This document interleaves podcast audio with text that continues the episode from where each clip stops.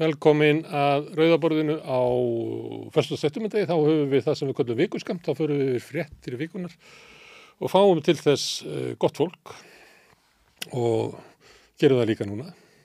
Og hingað eru komin uh, Þorgerður Marja Þorbjörnandóttir sem er formaður landendar. Breki Karlsson sem er formaður neytaðsandakana. Margreit Hugrun Gustafsdóttir sem er bladamadur og, og mannfræðinemi og Flósi Eriksson trésmiður og formaður Breiðurleiks. Knaspundildar Knaspundildar Breiðurleiks. Ég var svona að reyna að gera alla formunum en með bara tókst ekki að gera Margreiti að form, ertu ekki formaður einstakar Margreit? Jú, jú. Jú. Formaður húsfélagsins. Herðu, ég, hérna, það er ímyndilegt sem var í fréttum í vikuna, einn frétt í dag sem kom ný að, að hérna, það átt að vera eitthvað svona mannréttinda þing í háskólanum. Uh, Katrin Jakobsdóttir átt að setja þingið, afbóðaði sig með skömmu fyrirvara. En Bjarni Benediktsson, hann átti að, slúta þinginu og þá var kastað yfir hann svona glimmeri, rauðu glimmeri Já. í mótmælum. Heyrðu hann. Friðsannlega mótmæli. Mjög, en Bjarni fór. Já. Hvað, mistu þessu? Nei, nei, ég, ég horfði á þetta. Varst þú í salnum? Nei, nei, Já, svo það bara þú getur séð þetta á, vít- það, Já, það er þetta myndband á samfélagsmiðlum, eða ég held að vera á mokkanum og, og, og svo var sem sagt ræða og, og, og, og borði og Já. það myndi á mótmæli í Bretlandi, núna þegar þing verkamannarflokksins var, það var fyrir stuttu. stutta og kastað glimmer yfir Sko, kýrstarmer. það er ekki svo friðsælt vegna þess að glimmer, það er áður í svona mánuð. Það er rosalega erfitt að losna við það þú meiðir nú ekki mikið. Nei, það meiðir ekki mikið, en þú veist, Bjarni Ben, ef hann er með þetta á sér í mánuð, Það getur Já. setjum jakka, hann á fleiri en einn. En það var, Já. þetta var hann í, í Breitlandi, það var svolítið merkilegt, sko hann er að setja þetta og það kastaði yfir hann glimmeri Já. og, svo, og þá fer hann úr jakkanum, Já. brettir upp ermann og svona eitthvað svolítið og byrjar svo og, og það styrt hann frekar, þú veist, hann tókst á við það, mm. held svo áfram, sagði einhvern halvan brandara, svo þess að hann fekk plús, ekki mínus, það virkaði eiginlega öfugt þar. En heldur að Bjarni fái mínus fyrir að hafa hlaupið grænjandi heim eins og sattir? Ég fannst nú ekki á þessu myndbandi að hann væri grenjandi og hann sagði nú eitthvað staðar að hann væri óskattaður á sál og líkama eftir þetta. En hefur hann ekki getað haldið ræðina, farið úr jakkanum og haldið ræðina? Já, þinginu var nú bara slítið þarna, það var ekki byrja, ég var þetta ekki upphafi, já, en ég er nú ekki, ég var ekki, sko, ég er ekki. Ég veit ekki nákvæmlega hvernig þetta var í þinginu en það var hann að fólk að að, hérna, kalla fram frjáls Palestín og annað en ég held að það hefði verið mjög erfitt að halda áfram en auðvitað er það líka markmiði með mótmælinn með að trubla hefbundin svona framgang þingsins og, og koma með þessa afstöðu sem ég fannst bara mjög mikilvægt og mjög gott að kemur fram. Mótmælundu vildi ekki að ráða fólk verið að baða sig í einhverju mannréttindu umræðu Já. á þessum tíma. Og svona borgarlega ólíðni eða svona snýst alltaf um að trubla þannig að ef hann hefði bara farið á jakkanum og komist upp með að halda áfram að tala og, og þetta hefði þetta verið miklu minni trublun og haft þar að leiðandi minni áhrif á, eða sem slík mótmæli. Þetta er svona lína sem samtök þurfa að, að, og hópar þurfa að, að meta og þið eru í svona. Já, landvönd hefur ekki verið mikið í Nei. kannski svona borgarlegri óhlýni, ég held að hafi verið eitthvað svona, það var grassrútahópur í loftslagsmálum sem að strengdi stundum eitthvað svona uh, bannera eða, eða hérna svoleiðis. Og, og svo var ég náttúrulega í ungum umhverju sinum og var í, í loftslagsverkfallinu, þá var var ímislegt komið, mætti með fullt af krökkum beint fyrir utan hurðinu og alþingi til þess að vekja aðtekla á loftslagsmálum og, og allir dansandi með hávara teknotónlist og, og voru svona vinsamlega speðinum að að fara frá því að þetta var að trubla þingið og þetta var það markmið þannig að það hérna, þá gekk það og virkaði það þá náði það markmiði sínu.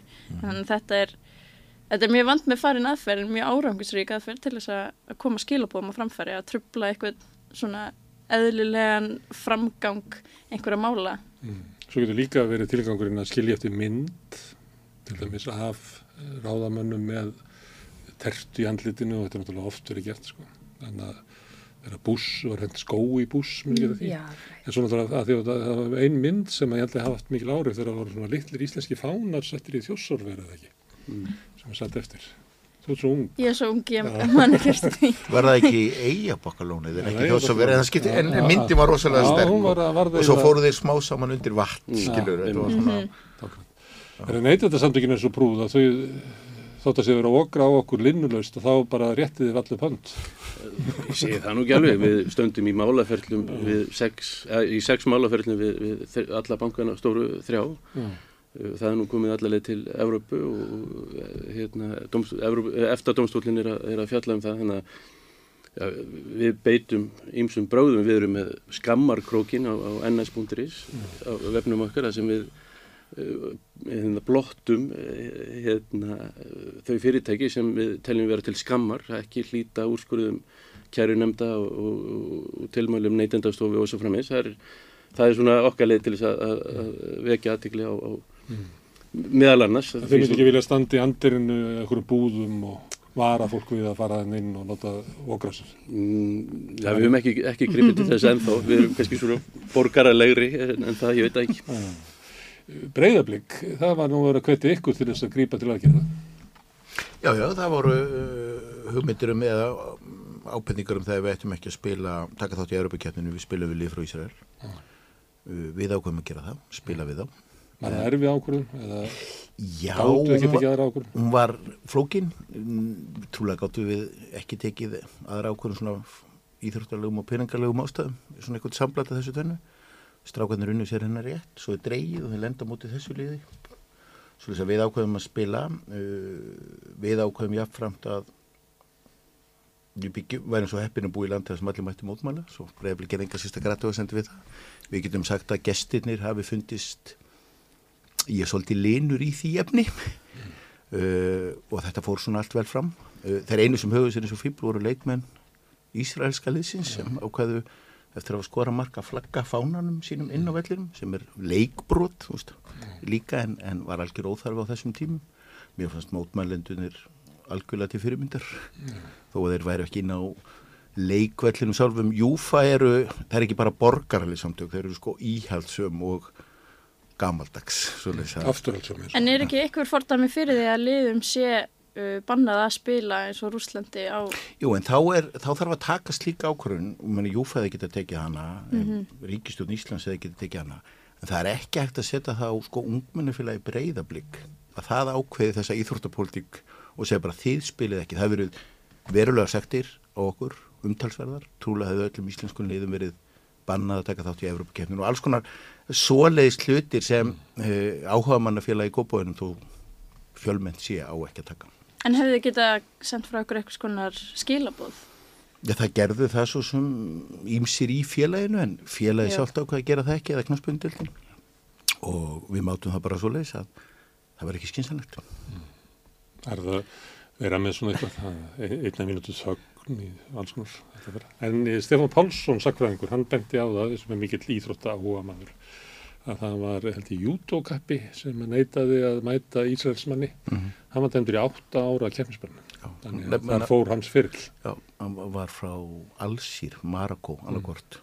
Svo líst að það voru, það voru svona alls konar svona uh, spekulasjónir og, við, og við erum á þessari leið búin að spila við ríki frá held ég 7-8 Evrópu þjóðum. Það eru svona misjaflega geðuar og á þau- í þessari Evrópu vegferð breyðabliku við spila 50 Evrópu leiki á sínum ferli í ýmsum löndum um, um, um alla Evrópu og austur um allt. Uh, ég er ekki að líka því saman en, en þetta er svona flókimál við hverja viltu spila og ekki spila? Það gáttu ekki unnið þá. við áttum náttúrulega að vinna það og, og, og, var, og það var eitt eitt lengi vel og, og svo fengum við á okkur skítamark í lokin. Ég nota kannski tækifæri á nefnið að við ætlum að spila svo við Viking klukkan sjö í svona einhverju vormóti eða haustmóti. Á eftir svo það er alltaf nóg að gera en við hefðum átt að vinna þá. og við höfum eftir eitt leik sem er við Úkraníslið sem er með okkur reyðli og sálið ykkur er spilaður í Pólandi af því það er ekkert að spila í Úkraníu svo þess að það er alls konar eh, við skulum segja alþjóðmála hefur haft meiri áhrif á þetta fótboltafélagi kópu en vennilega Herðu, ef að hérna er ekki aðal frétt eh, vikunar, það er písakunin. Hmm, Absolutt. Já, það þorgjur, þú ert yngst.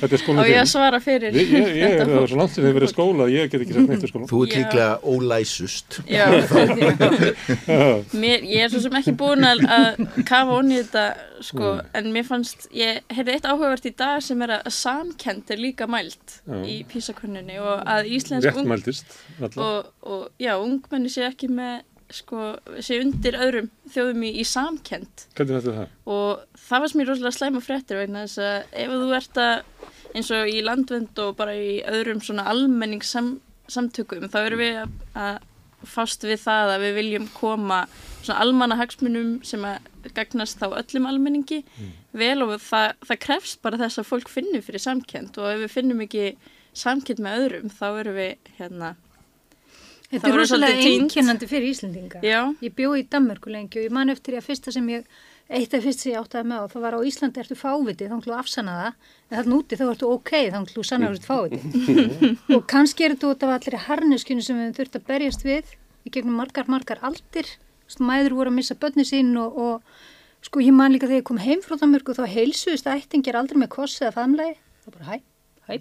En þetta er breytt núna sko svo náttúrulega líka e- hefur, þú veist, ég held að þetta sé mjög mikið í Íslendingum, en ég er nokkuð samfar líka um að, allt þetta áriti og allt þetta, öll þessi rifrildi og tókstrita og svona hafi líka áhrif á þetta. Já og, og þetta kemur ekki, þetta sprettur ekki upp á sjálfur sér hjá börnunum með þetta þá bara læra þau það sem fyrir þeim er haft og Það má vera að það sé meiri samkend meðal krakkana heldur en eldra fólks á Íslandi.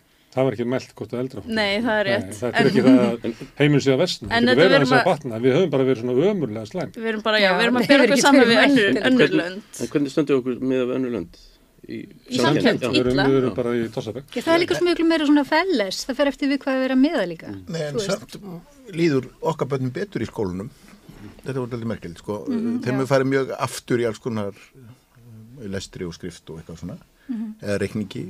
En þeir líður miklu betur en uh, jafnöldur öðra í Evrópu og þeir líður betur en líður fyrra. En þeir finna heldur ekkert í samkemdar. Skilur þú veist, en það, þú veist, það eru svona um, margt mítið þessu. Mér veist, eitt áhugavert eða interessant, menn núna koma allir og ammaðir að fram og tölum hvað skóla gerði hefur verið miklu betra þegar þeir voru skólum. Þá lærið maður að lesa og skrifa og reikna og þá voru próf og verkefni og svona og helmingurinn aðeins sem talar um þetta það virðist vera það er mjög langt síðan þeir voru grunnskóla og það er mjög langt síðan þeir áttu börn í grunnskólum því það er alveg ótrúlega bjánulegt makt. En á sko fyrir hálfumánuði eða reglu hefur við verið að fjalla um réttilega hvað var margt að í skólakerfinu hér áður? Það var engin stuðningu fyrir þá sem voru lesblindir til dæmis, það var miklu meira einelti, það var alls konar hlutir, Tossabekkir. tossabekkir og svona fræðansaröðs. Svo við erum búin að vera að fjalla um það mjög lengi og búin að laga fullt af því held ég og krökkunum líður betur. Svo kemur þessi könnun og ég ætla ekki að halda því fram í að vita því okkur, okkur fyrir aftur í þessum greinum. Og þá virðist viðbræði vera við um að búið til gamla skólakerfið sem var gamla tossabekja eineltis kerfið. Þú veist það sem þeir sem, já til dæmis voru lesblindir, þegar ég var í skóla þá fengu þeir ekki aðstofa, þeir voru bara fáiðar, punktur, þú veist. Kannski er ekki hugmyndunum fyrir bara alveg aftur og tökum og byrjum að reiki í bílónum. eh. Já, já, Það ég held að krafa sig ekki svo. Ann, annað sem ég hjó eftir í vikunum var líka það að uh, bóksala hefur uh, bara dreigð saman um 20% af undanfæðnum áratug og það er því það að sko, við hinn fullorðnir erum líka að, að draga úr lestri og auðvitað hefur það áhrif held að ef að færri lesa fyrir börni sín auðvitað eh, hérna, leita þau þá síður í, í bækur En það eru náttúrulega hljóðbækur. Þetta eru já, geisladiskar. Það er enginn að kaupa geisladiskar. Ég veit ekki hvað það er inn í tölum. Nei, nei, en allavega, sérst, já, bóklestur er, að- er að draga saman líka hjá, hjá eh, okkur Algjörlega sko. Aðteglisspannið er orðið svo stutt líka, maður finnur það sjálfur bara og, hérna, og það er ekkert bara börnin sem er alltaf í símanum, það eru enginn sem að höndla síma verra heldur en svona fólk millir 40 og 50 mm. í minnireynslu og þau bara eru alveg límt við símana og það Já. er bara, svo er, er maður að lesa stutt að texta og stutt skilabóð og man, maður finna það sjálfur ef að frétt er lengri en 500 orð þá nennir maður ekki að lesa hana. Stoppar eftir 5 Já. cm klausu. Mm, Yngri frængu mínar hlæjað mér þegar ég sendi þeim skilabáð sko. Hvort ég, eh, ég sé ætlast til þess að lesa þetta. Þannig þá skrifa ég bara svona eðlilegan texta. En þá er það bara, er bara, sendur ekki meira, það er bara tónaskap. og alls konar reglur sem maður uh, fattar ekki sko. já, Það að senda eh, langt messenger, það er bara tónaskap. ég, Svo máttu heldur ekki ringja. Það er bara ofbeldi gagvært ákveðinu kynslu. Já, já, það er, svarar ekki. Maður, það er svona, af því að ég þarf að hafa samband við mikið af fólki, að ef ég þarf að ringja í eitthvað sem er svona yngri en 35 ára, þá sendi ég SMS og segi, kynni mig og segi hver ég er og byrðum að ringja. Því að fólk svarar ekki ókunnu númurum. Nei, nei, það er reyndar ástæða fyrir því. Ég svara ákunni númurum, en Þú- já, ég er kannski bara gömul, gömul sál. En svararu svona no caller ID eða númur frá Breitlandi eða öðrum löndum? Ég svara erlendu númurum, Já, ok. um, en yfirleitt er það bara eitthvað bull. Það er ekki að búa Já, að það er yfirleitt alltaf skemm, bankarhringingin. Heyrðu, það var tekið rundar, ég veit ekki hvort, ég var reyndar ekki búin að ringi mig lengi, en ég lendi um daginn að einhver í saminu arbísku fyrstadæminum tóku 20.000 krónur á kortinu. Ég get vísað þér á hvert þú það leita. Það er Breki er Ég reyndar fekk það strax mjög góða þjónustu hjá bankanum og hann lokaði kortinu og það var ekki vandamálinn. Ef ég má aðeins skjóta inn svona kurtis í svona samskiptum á netinu, þá finnst mér að það er- að rýsa upp einhver herur gegn fólki sem sendir manni tal messenger skilja. Já, akkurat. Og sérstaklega fólkinu sem að sendir þau svona og byrjar að sendir, maður opnar það, svo ekki svona, já, hérna, hérna, og getur eins og komið sér að efnum. Þetta var nú ekki aðrið. En varðandi aðdegli spannið, að þá var hérna, ég hef búin að tala um mikið af, af hérna, um, upp, hérna, mentunar og uppeldisfræðingum og eitt sem að einn benti á, og það gæti bara verið að Íslendingar, hérna, vegna þess að er svo lítið að prófum í skólanum, að þau hérna, eigi bara í erfileikum með að taka písaprófið, af því það tekur bara tvo tíma með smá pásu. Þannig að þú hefur, þannig að krakkanir hafi bara ekki allir spannið í því að leysa próf með þessum hætti á þess að mega að fara í síman og gera allt sem þú gerir. Finnst ykkur þetta líklega síning? Þetta getur það verið og, og, og, og líka hitt er að, að þetta skiptir þau einhver máli. Það, að þau fá enga engun út úr þess að fá enga endurgjöf sjálf út úr prófunu að, að, og, og það hefur engin áhrif á þeirra framvöndu þannig að, þannig að sko það, að, að investera í, í prófunu skiptir þau engu, engu Sérstaklega því að við erum svo léli í samkjöndinni. Hugsanlega, Ég finn ekki þessa svona, Já, þetta er svona svo svara gallupkönnun og fá ekki tilbaka. Já, og, Elko, þjónustukönnun. Þetta verður að velum. Svona, Já, já, þú getur Já, eða- 50.000 krónur, ég hef aldrei um neitt sem að vinnur. svona eða eitthvað pay off fyrir að eða tveim tímum í þetta. En þetta er nú veintalega með aðra sem taka písaprófið þegar fá engin verðlun heldur. það er að- samkjöndin hjá þeim. Já, já, og, og, veist, ég veit ekki hvernig þetta er lagt fyrir. Nei, þetta er mjög misjaflega lagt fyrir í löndum. Það er hérna, sumstaðar eins og, eins og hér það er þetta lagt fyrir nánast alla. Mm. Annars staðar er bara úrtak hérna, sem er miklu minna. Sko. Ég kom aðeins að þessu fyrir OECD 2011 þá kom ég að því að í mínu fyrra starfi sem uh, fórstofumæður stofnunar um fjármálalæsi að búa til fjármálalæsispróf uh, hérna, og, sem sagt OECD hefur lagt það líka fyrir síðan eða frá 2012 og, og Íslendingar hafa hérna, mjög fyrst áhugavert og, og náttúrulega fyrir mig er það kannski áhugaverðast að við PISA-konunina er að fjárvera Íslendinga frá því að, að rannsaka uh, fjármálalæsi. Viltu það ekki? Nei, við, við kusum það að, að, að mæla það ekki og, og hérna Af hverju? Ég held það að, að, að ef við mælum ekki eitthvað þá vitum við ekkert stöðun og þá er allt bara í lægi. Vá, spáði það. Mm, Það hérna, er, er svona, uh, já, mín uh, tilfinning eftir að hafa talað við, við stjórnvöld og stjórnkerfið að, að það var, hérna, það væri bara vesen, sko. Það, það var eitthvað meira sem þurft að laga, sko, ef við, ef við kemist að því að, Manni man- finnst einhvern veginn blasa við að sé bara fjármála lesblinda hjá eiginlega öllum sko. Ég á ma- vann, vann með manni sem notaði þetta, þú veist, maður ætti aldrei að mæla sig, Nei. þá væri maður kannski, yrði maður bara veikur. Þú veist, og svo var hann alltaf hundveikur í vinni, maður ætti ekki að mæla sig, skilur það, því þá yrði maður bara veikur. Já, Og ágættis hugmynd, sko. Það eru hlutastlega fleiri sem að deyja af þeim sem, sem mældu sig síðallin sólaringar en þeir sem gerðu það ekki.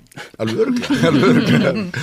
já, já, og allir hafa borðað kartöblur um æfina sem, sem hafa látið, sko, þannig að það er hérna. Það getur verið eitthvað. En hvað segið þið? Er, eh, getur það verið að við séum bara með vondaskóla? Við höfum bara keirt út í skurð? Stundum í umræðinni þá er þetta stemmingin. Það er stundum talað um hérna, písa út frá þessu sjónarni að við höfum bara gert einhver alvarleg mistök og einhver saði í einhverjum spjallatirum að þetta væri bara alvarlegasta mein í íslensku samfélagi. Ég, Skólandi að koma liðlið. hafandi, hafandi verið með eh, hérna, þangað til í fyrra uh, krakka í grunnskóla í, í 16 ár þá er ég bara alls ekki sammála því. Ég held að hérna, við erum oft mjög snögg að, að benda á einhvað annað, sko, ég held að við þurfum að, aðeins að líta inn á við, erum við að lesa fyrir börnunum okkar, erum við að, að óta bókum að þeim, erum við, að, að, er, veist, erum við sjálfa að lesa, líkja bækur á, á náttborðunum okkar eða á stofuborðinu, e, því að börnin náttúrulega gera það sem fyrir þeim er haft, ekki það sem þeim er sagt. Nei, svo er ekkert, til dæmis, þau eru flestin á YouTube, það er ekkert íslenskt sjómasefni, það er engin að tala íslensku og búa til eitthvað sem þeim er skemmtilegt. Þessi þáttur.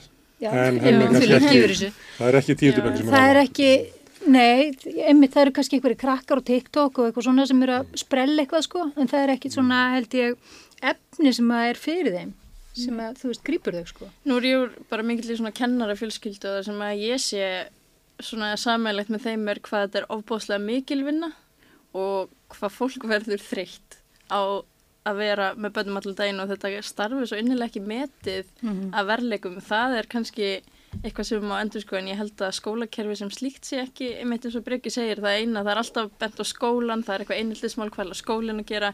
Og skólinni eru bara mjög ofta að gera alls konar sem þau mega líka ofta ekki tjá sig um. En hvað eru fóreldrar að gera og hvað eru aðrir, ég held að það skipti líka máli og hva, hvers konar samfélag eru við að búa til fyrir börnin. Og Og þú að hérna- segja, fólkdrarnir eru skrollandi allan daginn, við erum ekkert minni krakkanir. Og ef maður skoður síma sinn, hvað maður er búin að vera þú veist, lengi í honum yfir daginn, það er yfirleitt ekki undir 5 klukkutímum. Er ekki þetta slökk á þeirri menningu? Jú, einmitt. en, en, en, en, en, en hérna, ég ætla ekki að, hérna, ég veistu aðeins og neikvað, við skólan. nei, já, Það er samfélag. já, og yfir öllu, sko, ég var svona svo, ég hætti með, eða mín börn kláriði fyrra og þá var ég búin að vera með þau í grunnskóla 20 ára, eitthvað svona, þú veist. Og mér varst hann almennt gott, voru að þau koma ákveld út úr þessu. Ég tók eftir þessum einn af strákunum mínum, og var, mér varst hann aldrei verið að lesa neitt. Hann var alltaf í tölvunni og ég var að reyna að óta á hann með einhverjum bókum og eitthvað svona. Svo áttaði mig að það sem hann var alltaf að horfa á í tölvunni var uh, fræðsluefnum Rómuri og Grikki sem hann alveg brjálaði slæðan á hóra og, og er algjörlega og er núna í mennskóla og finnst það íslega skemmtilegt og getur talað um það miklu viti og veit miklu meira. Og hann bara náði sér í upplýsingum um öðrum hætti. Fyrir ég var lítið þá yfir að reyna að lesa sem var til heima eða flett í britannikunni sem var til á hjá fóröldrum minni eins og, eins og þeirri kynslu sem keift af einhverjum sölumanni allir britanniku áborgunum og var til já. alls staðar. Þú veist, það var mín aðferð. Hann náði í þetta með öðrum hætti, þá er aðal gallin svo lýs að ég fór eitthvað í staðan fyrir að segja hætti að vera í tölvun og fara að kikið í bók fór að sjá hvað hann var að gera. Já, hann var að það gera eitthvað svona, máli. það skiptir öllu máli. En gallin er náttúrulega ekkert af þessu efni sem hann langaði í er til á íslensku. Nei, það er stóri gallin og, en, og, og þá, þá sérðu að því það eru kostur og gallir í öllu þessi krakkar eru miklu betri í ensku. Þeir eru, ógeðslega góð, þeir eru mjög góð í ensku. Og, og eiga auðvelt með að nýta sér upplýsingar og ensku og taka þátt í því öllu saman. Gallin er að þeir eru helviti íslensku en, en minna, og ég nota er mikið í símanum, ég segi nú kannski ekki sex tíma á dag, menn ég þarf að vinna smá við svona Hefur þú tjekkað screen time? Ég meina, það kemur alltaf á mánudöfum hvernig þetta var hjá mér í síðustu viku Ok. og ég hugsa alltaf, ok, þessa viku ætla ég að vera minni síma en ég er ofta að lesa mér eitthvað til ánægju og gags eða ná mér í eitthvað upplýsingar eða eitthvað slíkt skilur mm -hmm. svo að ég, mér finnst þið vera aðeins Og, og vafrar um hinn skárri svæði internetsins. Já, og, og, og hinn, hinn líka stundum, hinn líka vel að merkja en, en, en svona Það er samt eitt sko, það er náttúrulega svolítið verið að tala um málskilning og orðaforða. Já. Og orðaforðin verður svo þröngur eða er ekki lesið vegna þess að ef þú lest orð og horfir á það í leðinni, þá stimplast það inn í kollin á þér sko. Skilurðu mig, Já, þú, það, ma- þá, þá er þetta að fara inn í tvo nema í kerfinu hjá manni, þannig að maður næri þessu betur. Og eitt af því sem ég var að hugsa, það var sko valdið og orðræðan, að fólk sem kann að koma fyrir sig orði og skrifa, að þau fá vald. Og ef það er alltaf færri og færri sem að hafa tök á þessu, þá náttúrulega minkar, þið veitir, hérna hópurinn sem að getur farið inn í, inn í stjórnmálinn og inn í, en, en það var eitt ég, ég, ég, ég, Skil ég hvað er að meina, veist, það var eitt að- sem breyttist fyrir það ógna líðræðinu. 10, 15, 20 árum eitthvað menn voru afskaplega hrætti við að taka þátt í opera umræðu sko eða veru illaskrifandi eða, eða veru þáfalsjúkir eða svona. Internetið eða einhvern veginn gamunum bara svolítið frelsi til þess. Og þú sér alveg virt fólk í umræðu sem er já, skulum segja, nota ekki hefðbundnar stafsningareglur. Pöppi Mortens til dæmis Já. Til dæmis, sem hefur bara brotið þessa múra Já, og sagði bara, þú veist, er er- af hetjum frelsisbaráttu hinna hérna, já, þess þeir sem hafa ekki fullkomin tök á stafsynningu Nei, og segi bara, þú veist, ég, ætla, bara- ég er bara svona og ég tek samt þátt í umræðinu og þetta hefur gert fleiri. Gnarr gerir þetta líka vel. Já, já, og, og, og, fleiri, og svo að það hefur líka, sko, þetta hefur líka opnað þeim sem hafa ekki alla hluti á valdi sínu, þess að svona, hafa ekki eh, eitthvað, eitthvað pláss eða eh, leið inn í Það þarf umræðum. samt held ég ofslega mikið karisma til þess að geta, þú vitið, komast í gegn þar. Ég Ég fylgist með, Það slepp ykkur svona fyrst af því að þeir eru svo veist með annafótinn inn í Já, elitunni. þeir kannski og- riðja brautina fyrir að aðri geti líka gert þetta. Það finnst mér til dæmis á. Facebook og víðar sko fólk er ekkert að fyrirverða sig fyrir að bara að, kunna bara enga stafsningu sko. ég Svo meina, einn af mínum bara- uppbólsfélögum eða sem ég fylgist með á Facebook er hann Valli á Blöndósi sem er 75 ára gammal fyrirverandi kjötina maður komin á eftirlaun hefur mjög mikla skoðanur á öllum þjóðfélagsmálum eh, hann myndi ekki skora hátt í písukonunin en hann er mjög margt fram að færa og er algjörlega ófrættur við það. Hann hefði ekki gert það eitthvað tíma skiljiði. Já, auðvitað þá eru samfélagsmiðlar ekkert bara eitthvað slemt tól, þeir færa okkur nær og, og fólk finnur svo hvert annað að mynda samfélag sem hefði kannski aldrei hist ekki fleirum rödd. Já, og já, akkurat, og, en ég held að þetta sé alveg rétt sem þú segir varandi, þú veist, núna er ég uh, að koma inn sem ungmanneskja inn í landvend og ég er enda var náttúrulega ungum umhverju sinum á undan en ég er samt núna landvend er að skrifa miklu fyrir hluti, ég er að kafa mér onni í, í hérna bara rafmagsmálin og ég er að kafa hún í alls konar einhverju lögfræði hérna texta og ég fæ bara alveg hausverk og hugsa er þetta það sem erum að bjóða almenningi upp á til að eiga samráð við stjórnvöld? Og þar kemur inn að ég einhvern veginn þjóstnast í gegnum þetta ver miklum tíma í að að koma mér inn í tungumálið og þá get ég skrifað eitthvað sem einhver hlustar á kannski. Uh, en einmitt. þetta er þarna eru alveg möguleikar og mér finnst það ekki vera á ábyrð endilega allra að verða sérfræðingar í lögfræði tungumáli og Nei, geta vit, vitnaði þess og hinn lögin og, og hérna kunna öll, öll skamstafanir heimsins á öllum stopnunum, alþjóðstopnunum og svona heldur að það er líka það sem að þau sem hafa veldin og, og við líka sem erum að miðla og hérna getum lægt okkur fram við að gera hluti skiljanlega. Mm, einmitt, þetta skiptir miklu máli.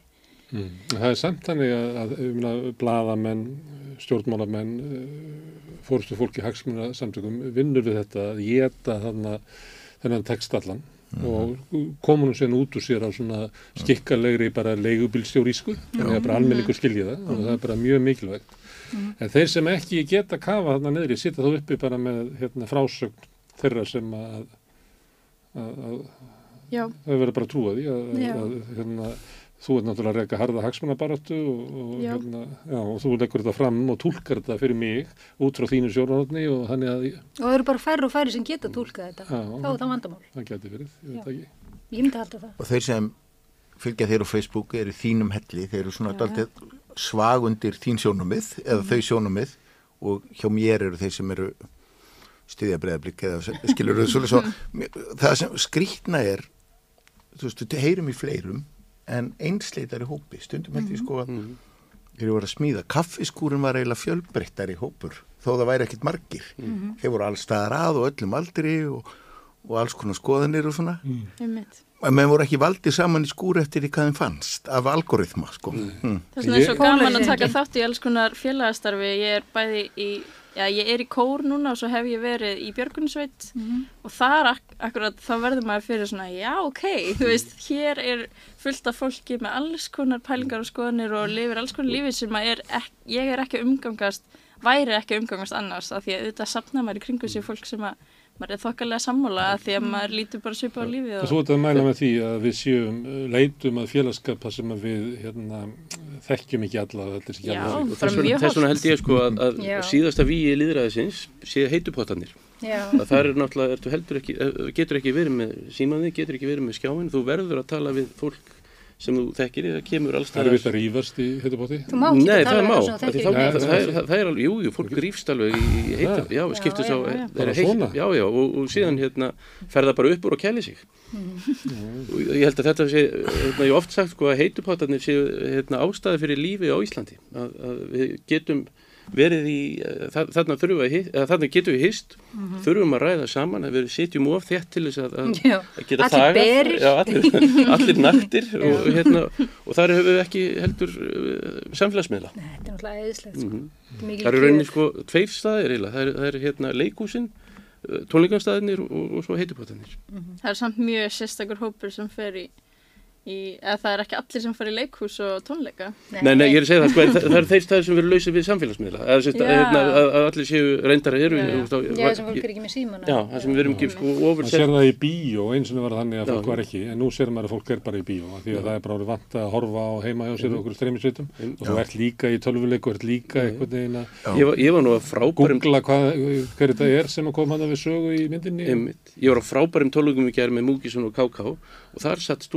á mér með síman hérna niður hérna, bara allan tíma, ja, megnið af tónleikunum. Var vissulega hlusta en hún var líka halvvegis til staðar og halvvegis í símanum. Já, við skulum ekki gleyma því heldur að eins og samfélagsmiðlunum þetta er hannað sem fíknefni. Þetta er spilafík, Mm. Já, já. þetta spilar inn á það, þetta spilar inn á þörf fyrir viðkenningu Mm. og þessi, þessi rauði nappur með tölu já. stöfunum og þetta notifications og allt það, Já.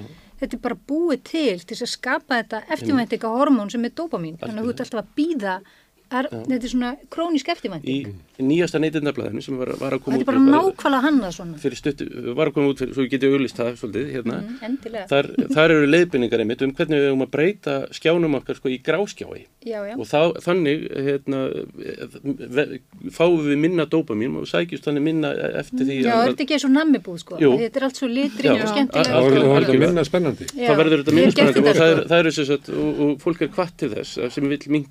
skemmtilega. Og er þess að og, og að Mm, breyta þeim í gráskjá En hugsaðu ykkur að við séum öll á þessum stað, þú sagðir á, ég ætla að nota síman minna í næstu viku, Vist, ég hef sett minna á gráskjá. Það eru eiginlega allir sem að viðurkenna Það er þessa fík. tím áramóta er því þetta er, Já. þetta er umveruleg fík Jú, en, og við erum eiginlega öll með en, hana. en ég ákveð líki hverju viku að drekka minna kaffi Þú veist, og, og, og, og alls konar, það er alls konar hlutir sem ég ætla alltaf að gera einhvern veginn, eða oft einhvern veginn öðruvísi. En þetta er eitthvað sem allir tengja held Já, ég við. þetta er eitthvað svona, ó ég er sko. svo mikið í símanum. Já. Eitthvað, já, ég líka, ég Við þarf nú viljum eitthvað minna þú veist, þetta er umverulegt, sko. Ég var á Rjúpi í haust uh, og Australandi og það sem okkur fannst bestu svæði er að það er ekki símasamband. Þú veist, þú keirir 20 myndur frá veginum eða eitthvað hálftíma inn í Hamastalinn og svo lappar að stað og það er ekki símasamband. Já. Og það verður allt öðru vísi afslöpun.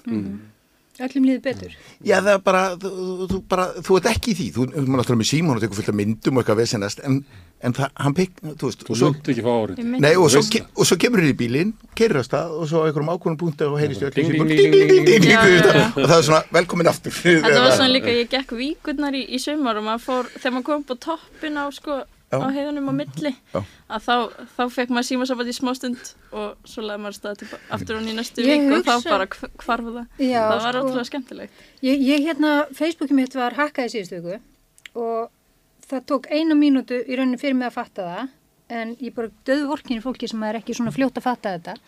Ég sem sagt hafði Facebook síðu sem var búin að vera læst í töluverðan tíma þannig ég gat ekkert auglýst og ég gat ekkert notað hana. Svo fæ ég hérna skilubóð um að nú er ég að opna hana og hann hafi verið læst en að ég þurfa að senda sér satt inn uh, símanúmeri mitt og passvörd til þess að geta haldið áfram. Ég fekk eitthvað svona link, þú getur talað við starfsmann. Og ég einhverju algjöru, þú veist, ógslega, hérna, hvað því, skerið þetta. Og svo, svo kom eitthvað, get, við ætlum að senda það kóða en það getur tekið smá stund. Svo býð ég, svo konar 45 sekundur, þá bara, ah, ég var hökuð og hleypinn, sko, sýsti mín er þetta við hliðin á mér og við náum einhvern veginn bara að koma mér aftur inn á Facebook síðuna mína. Og þar fer ég að tjekka á því hvar ég er lokkuð inn og ég var lokkuð inn í 47 tæki. Þar að 45 í Vietnam.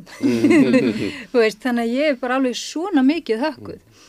Og sem, eins og ég segi, blessunarlega náði ég að bjarga mér, en ég hugsa oft og ég hef myndið lesið hjá neytandarsamtökunum þar sem er verið að tala um hennan surveillance kapitalisma og hvernig við erum í rauninu öll bara ég veit ekki hvernig ég að lýsa þessu, við erum náttúrulega búin að vera í 15 ár tilraunadýr hjá amerískum stórfyrirtækjum og það er búið að vera manipulur okkur út í það um þetta gerast fíklar, það er búið að vera bein okkur inn í vestlani eins og í gegnum Pokémon og þetta.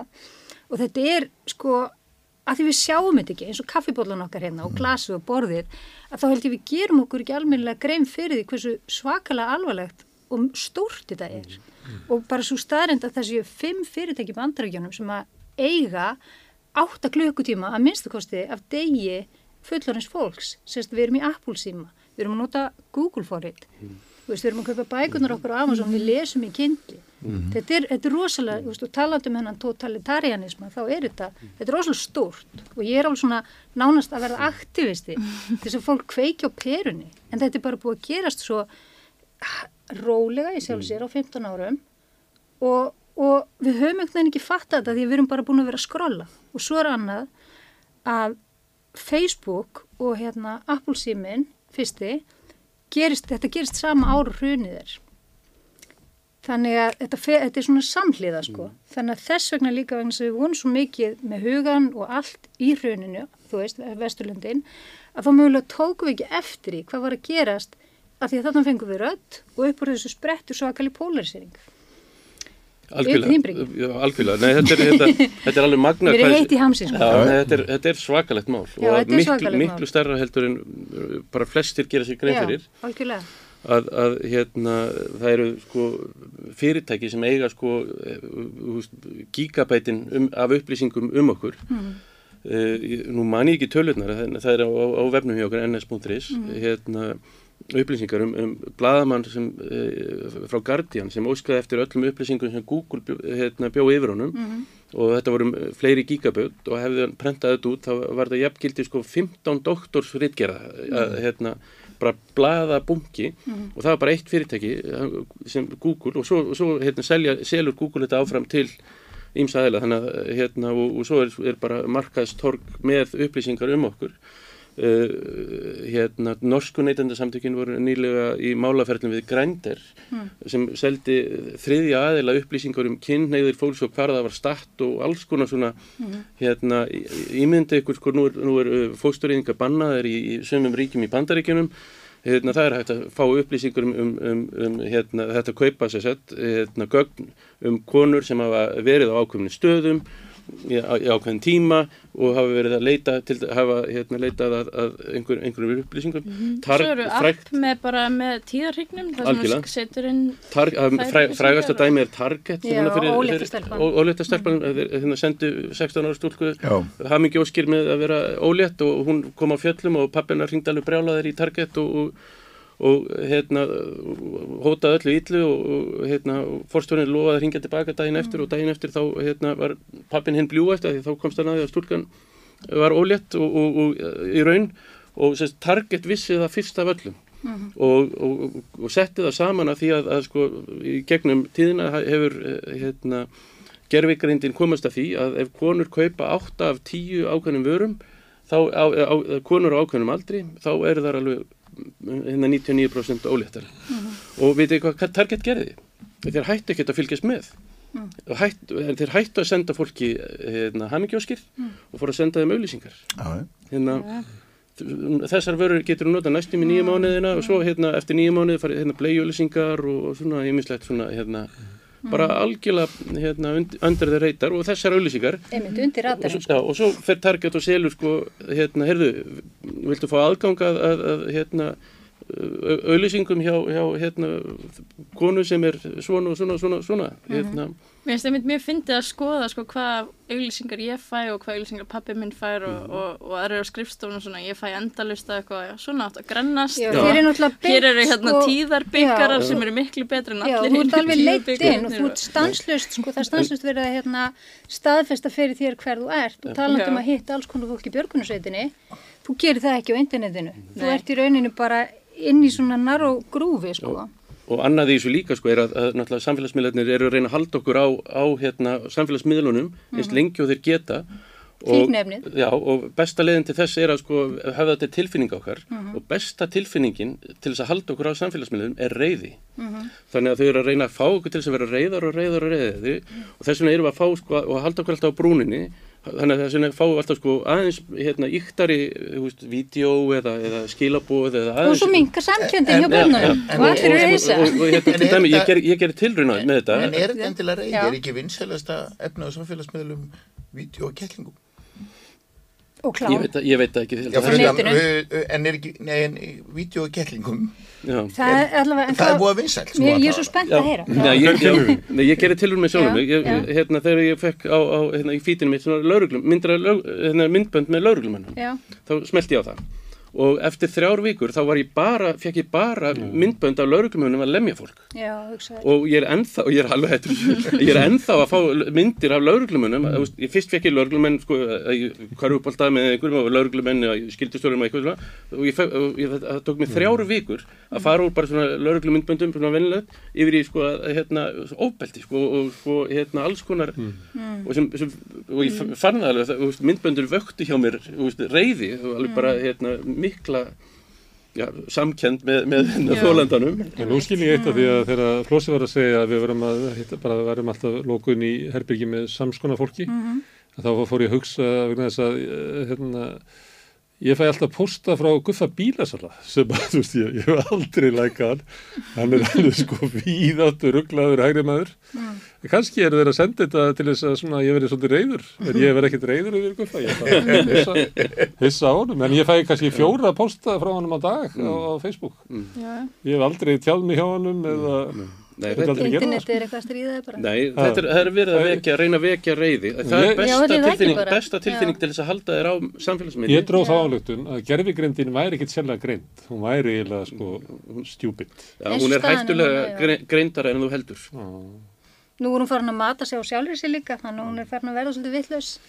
Já. Það er sérst að það er verið að segjum að gerfugrindin búið til texta og myndir og það, hún er farin að mata sig á því sko. Þannig Já. að þá er farið að koma svolítið skrítin lúpa út við. Þetta er svona vandamál sem er verið að díla. við. Ég er alveg spennt aldrei fyrir gerfugrindinni, mér finnst það vera frábært tæki sem að ég hef bara oft notað, bara ef ég á að skrifa, þú veist, ég er búin að vera að sækja um eh, peninga eitthvert eða skila skýslu um, já, góðar, um peninga sem ég er búin að nota eða eitthvað, að þú veist, ég tek ekki textan bara copy-paste, þú veist, en ef ég er einhvern veginn alveg tóm og ég hef hérna klukkutíma til að klára það, að það er rosalega gott að láta hann að skrifa svona gera ramma fyrir því og svo fyllir maður bara inn í Já, það er en- margir en þetta. En ég held samt að, að sko, þetta gögnin sem hún byggir á eru bæjast, þau eru ekki hlutlaus. og, og það var mjög áhugavert, ég sá, ég fór á viðbyrg hjá ungum aðtarnakonum þar sem verið að tala um sko svona sexisma í gerfugrindinni Mjög og, mikið. og það var til dæmis og bara rasisma og til dæmis tekið mynd, svona mjög blörruð mynd af Barack Obama. Og það sá allir að þetta var Barack Obama, þeir þekki allir Barack Obama. Og gerfugrind var beðin um að svona skýra myndina.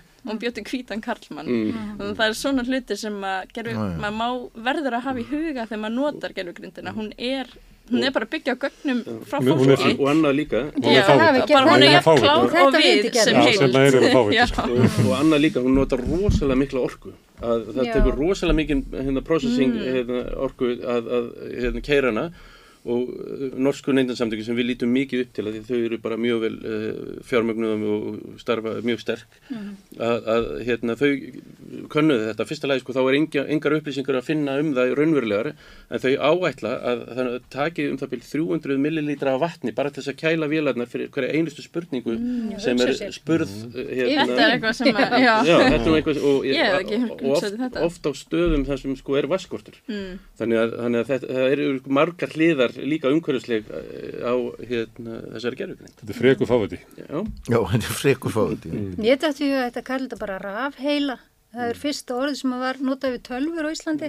Það voru skýsluvélar fyrst og svo er þetta rafheilar eða rafeinda heilar og síðan voru það hann hérna viðfræðingurinn Pál Bergþórsson og doktor Sigurður Nordal sem að letu sér detti í huga orðið tölva að þetta eru tölur og völva Mm. og sagt, hann Pál Bergþórsson sagði frá leik sem hann fóri þegar hann var krakki hann að setti svona völustein á hausnum á- sér og svo spurði hann spurninga sem sagt já eða nei spurninga. Og það er tvíund. Og svo leta hann þetta, þetta niður og þá var það annarkvort já eða nei sko. Mm. þannig að þar kom völvan inn og svo tölunar það er svolítið snjált Mm. hann er alltaf svolítið, svolítið kúl. Herru, við erum að fara inn í umhverfismál. Það er hérna kopp útudúr já, 28. akkurat. Já, það er í gangi Þetta núna. Sko, ég er bara, já, ég ger ekkert annað Nei. en að lesa og hlusta og horfa á eitthvað frá kopp. Og býstu við góður í niðurstu. Ég býst við niðurstöðu, uh, ég vonast eftir góðri niðurstöðu, uh, ég vona að orðið, eins og að sagt, orðið út verði inni í lokatekstanum að fasa út jarðarnælsniti, það verði ekki niður, fasa niður eða dreigið úr eða eitthvað svona. Uh, en ég sko til þess að það sé samþægt þá þurfa öll lönd að samþykja það. Líka Rúsland og Saudi Arabia og, og öll þessi lönd og, og bara ef eitt segir nei þá er það nóg. Þannig að maður á að vera hóflega bjart sín en maður finnur það er aukin pressa og það er gott.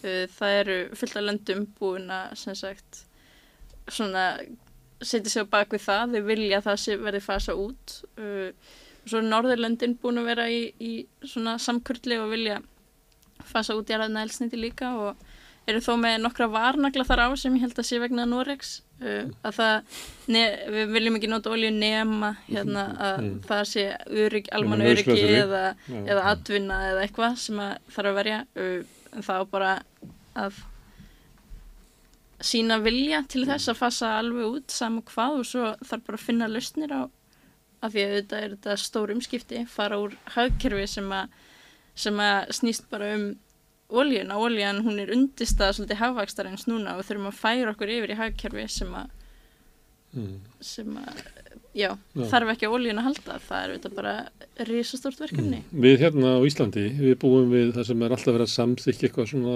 orðarlaga og eitthvað svona, við sjáum engan árangur. Er það kannski öðruvísi annars þar? Eru við hérna sérstaklega eitthvað við tanna eh, Birnu Sigrun Halsdóttur sem Já. heldur utan um hann heimin og haf sem að ég mæli með, það fólk fyrti í og, og reynið að setja sinni í smál.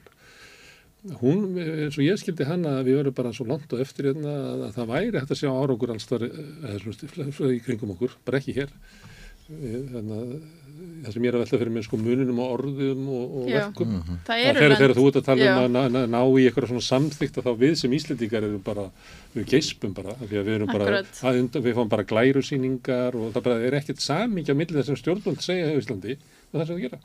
Það er allavega stjórnvöld, Íslands stjórnvöld eru núna á kopp að tala um að við eigum ekki að niðugræða nótkun á jarðarnælsniti. Á sama tíma er frumvarp núna inn í, í umhverfis og samgöngunemnd um það að, að Ísland fái sér undan þáu 2025 og 2026 frá því að, sagt, þá eiga öll flugfélag að fara að borga fyrir alla sína losun. En át af því að flug er mikilvæg hérna undirstaða ferðamennsku á Íslandi þá fá þau þarna uh, sem sagt bara afslátt fá að taka sínar hérna losunaheimildir í Íslenska ríki sem að það myndi bjóða upp og fá tekjur af og gefa þær ókipis til flugfélagana. Þetta er ekkert annað en hérna svona niðurgræðsla á notkun jarðarnælsnitis. Uh, þannig að það, það er mjög mikið svona Er ekki einhverjar undanþáur fyrir okkur að því það er ekki að ferðast með lest eða skipum svo vel sé í þessum ég var eitthvað að reyna að áttum að Sko Það er þetta snýst ekkert ekki? um, um, þess, um það að það þurfa að hætta að fljúa, þetta snýst um það að flugin þurfa bara að borga meira. Jú, en, en þú veist, minn eins og í Fraklandi þá eru þeir sko búin að banna Já. eða því sem næst eða svona styttu veglendur og tekið svona uh, sem bara allt í góðu uh, að ég var eitthvað að reyna að setja minni í þetta ég skildi þetta svo leist, þú veist Mhm. við ættum, við höf, við eigum erfitt með að fara í aðra flutningaleiðir mm. Já, já.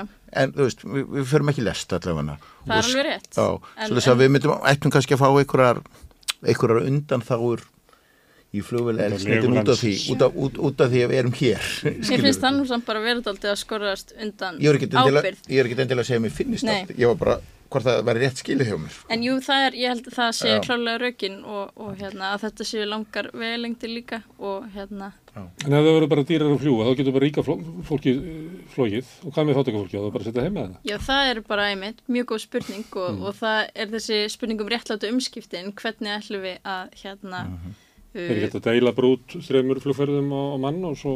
Ég það eru örgulega til Ég meina að ríka fólki verður bara að setja heima. einhverja Já, eða kaupa Það er leiðir. einhver sem, Okkur er alvöru, ferðina. er að fljúa Ferðakvóta, 30 sem flugkvóta. ári út til Já. útlanda, hann verður bara að hætta því. Já, það er allavega, það þarf, það má ekki taka svona flugferðum sem sjálfsögum hlut.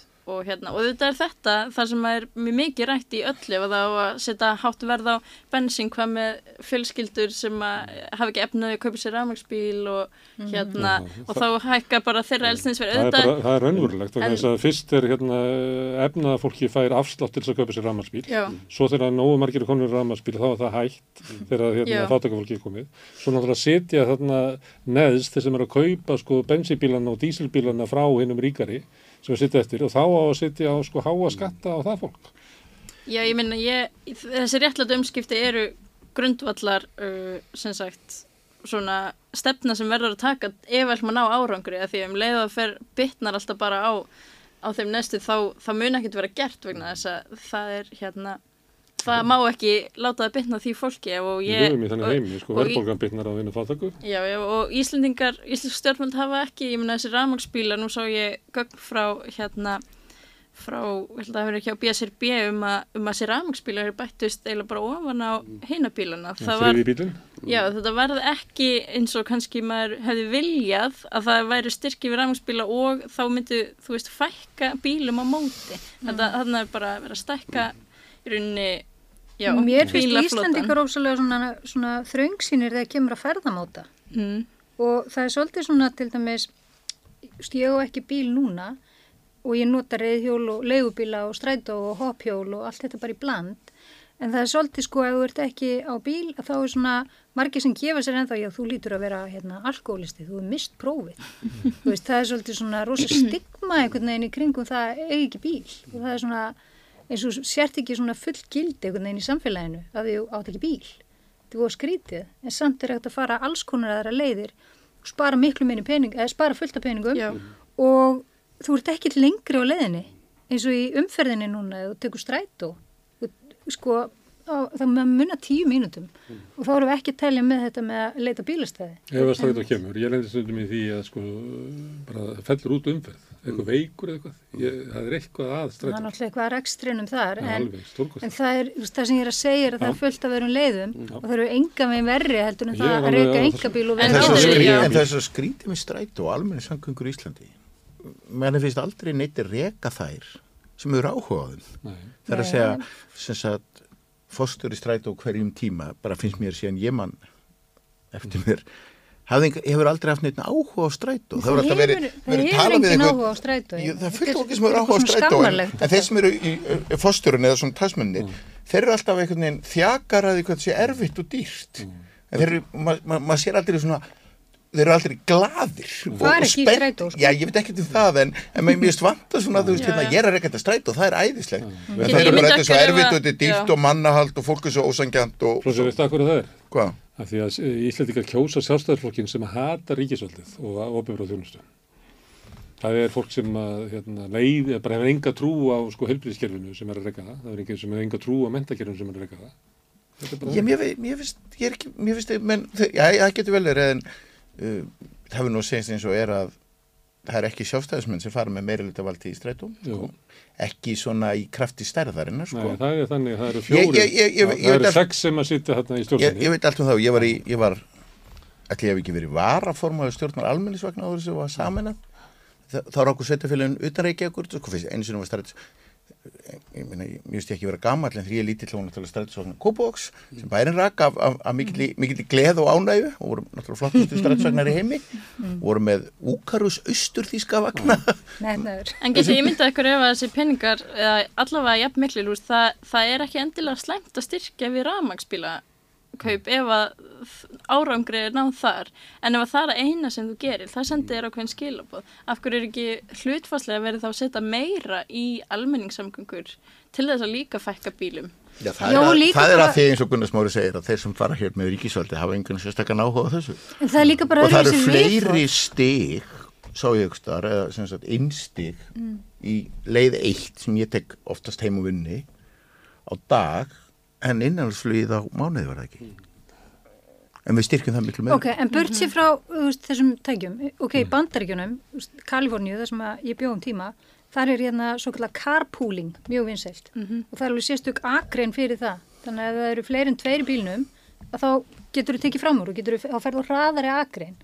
Er það vantar svo bara svona fjöl, eða svona, þið veitir, svona aðeins við, meiri víðsinn í það hvernig maður kennst á melli staða og fólk er kannski með, þú veist, það hver og einn er að skuttla einum og einum krakka í skólan í staðan fyrir að fóreldra skipti bara með þessi vikum. Eða fólk sem er að vinna á sömu stöðum bara fyrir, og býr í svipuðu hverfi hittumst bara þarna og svo fyrir við öll í sama bíl og þú tekur þetta í næstu viku. Frænka mín býr Það í, í München og þau fóru með krakka á hjóli, það var bara einmitt fólkdur tóku á sig einu eina viku eða einn dag, ég man ekki hver, hvernig það var að hjóla með fullt af krökkum í öllu, úr öllu hverfinu Ekki bara til dæmis, skólann. það eru er alls konar leið til að koma sér á milli staða sko. meiri samskipti á milli fóreldrarna og var Betra Já, minn, svo eru hoppbílarnir sem eru hægt að taka, það eru bara endalisa leiðir. Annað vanandi hérna, lofslægið sem er, mér veist eh, bara hérna, ekki vera nógu mikill fókus á að, að sem sko mengar miklu mun meira og margkvælt á við flugið sem er oft uh, fólki tíðrætt um uh,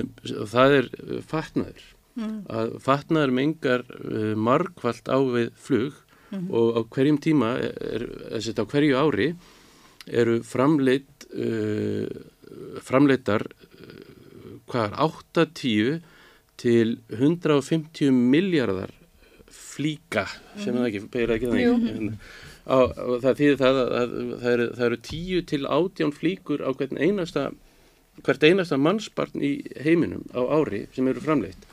Og megnið af þessu lendir í, í hérna innan sex mánuða lendir bara hún í skurð og, og er, er mókað yfir og hérna.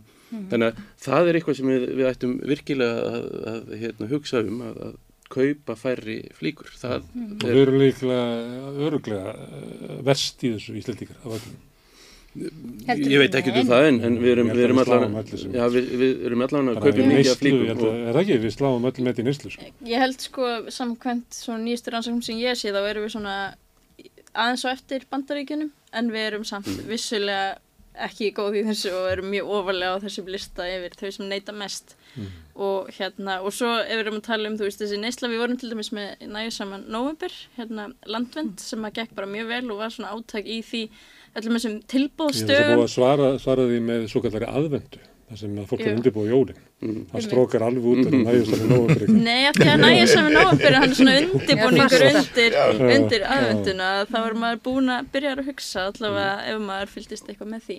En svo er annað sem er að losa mjög mikið og það er líka stríðsrekstur og mér finnst það Akkúrat. ekki vera nóg mikið í umræðinni að, Mm. að það líka bara bæði náttúrulega, þú veist, það, það er ekki það vest af við stríðsrekstur, hann er auðvitað hörmulegur af, af mannúarsjónum mm. en svo er það allt flug í kringum Mhm. stríðsreksturinn og all losun og all svo framleiðsla á vopnum og allt sem að losa mjög mikið. Og svo er fullt af húsum eðilega sem þarf að byggja upp á nýtt og steipa er nú með risastórt kólnisfótspor líka og vistspor og, og en auðvitað þá vill maður ekki sko gera það aðalatrið í umræði um, um stríðsástandi en, en á sama tíma þá er þetta ef þú ert að tala um alls konar aðgerið lofslagsmálum að, að þarna er líka tölvöld ósamræmi millir það sem að ríkir að segjast vera með Absolutt. markmið og, og síðan að framfylgja. Það búið að sprengja 40% af öllu íbúðum í Gaza í duft bara. Já. Herðu, það var önnu svart skýsla. Það er hérna vika hérna svartur skýsla. Svo svartasta var um fjárhags og félagslega stöðu fallins Það sem að eru eh, sko alltaf sé ekki svona rúmlega 20.000 manns sem eru í þessu mengi. Og það er ekki 65% af einstæðum fóröldurum í þessum hópi sko býr við sárafátætt þannig að þetta er bara ömulega lesning sko. þetta er bara litla stúlka með elspillunar hann á hverju síðu. Og við erum ríkasta samfélagi heimi. Akkur er þetta svona hjá okkur? Ekkur leiti að því Að við kjósu það? Við Það er eitthvað sem vaknar á mótana og segir ég ætla að viðhalda fátækt í dag. Já, það er ekki, þú veist, svo, að því ég er nú svo jákvæður í dag, getur verið að vakna á mótnan og segja, ég ætla allavega ekkert að gera í Það fátækt að í dag. Það er Það að að, þú veist, þú veist, svo ég sé svona uh, örlíti jákvæður en þú. Hluta til er það, meina það sem vorum að ræða hér aðeins fyrra á öðrum fórsendum, menn hafi ekki fó, eh, hérna talsmannin, menn kunni ekki orðræðina, menn komast ekki að, okkur finnst ekki áhugavert. Og það er nú þannig með okkur mörg, meðan við höfum það þokkalegt og þeir sem eru svona kringum okkur og við sjáum ekki þessa hluti og það sést líki ennannar í skýslu sem kom í vikunni, ég ætla ekki að líka þið saman fangelsismál veist, Hún var líka svört. hún var líka svört og, og, og okkur er alveg sama því við þekkjum ekki marga í mókissi, mm. skilur við og, sem er líka okkur til skammar eins og, þú veist, ég, er ekki að líka þessum hópum saman, en það er svona sem við heilbrygt fólk heilsugott fólk sem, sem hefur aðstöð til að sjá fyrir sér og sínum, við tökum ekki rosalega mikið eftir hinn Þetta er ekki sýnilegt, einmitt. Nei, og þú veist, er ekki, nú, hún er ekki og, sýnileg. og, og ég held til dæmis uh, ég er alveg í Kópavænum Vesturbænum og það er Kópavásælið og, og það margt segja um Kópavásælið og nú er ekki svona hæl lengur. Þar voru hundrað heimilismenn. Þeir voru út um allt, þeir voru í sundi og þeir voru í jóabúð og þeir voru í þórsbakari og í stræt og allt þetta.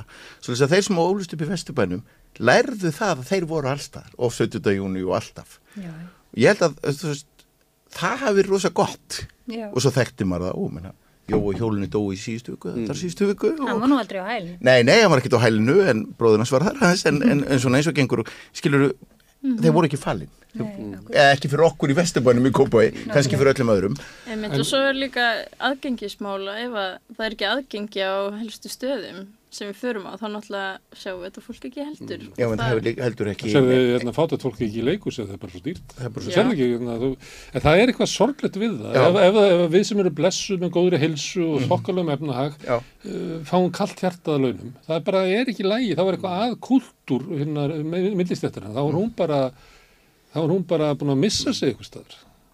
Í alvöru. Já. Þá ættum við bara að taka alvarlega, bara svo písa.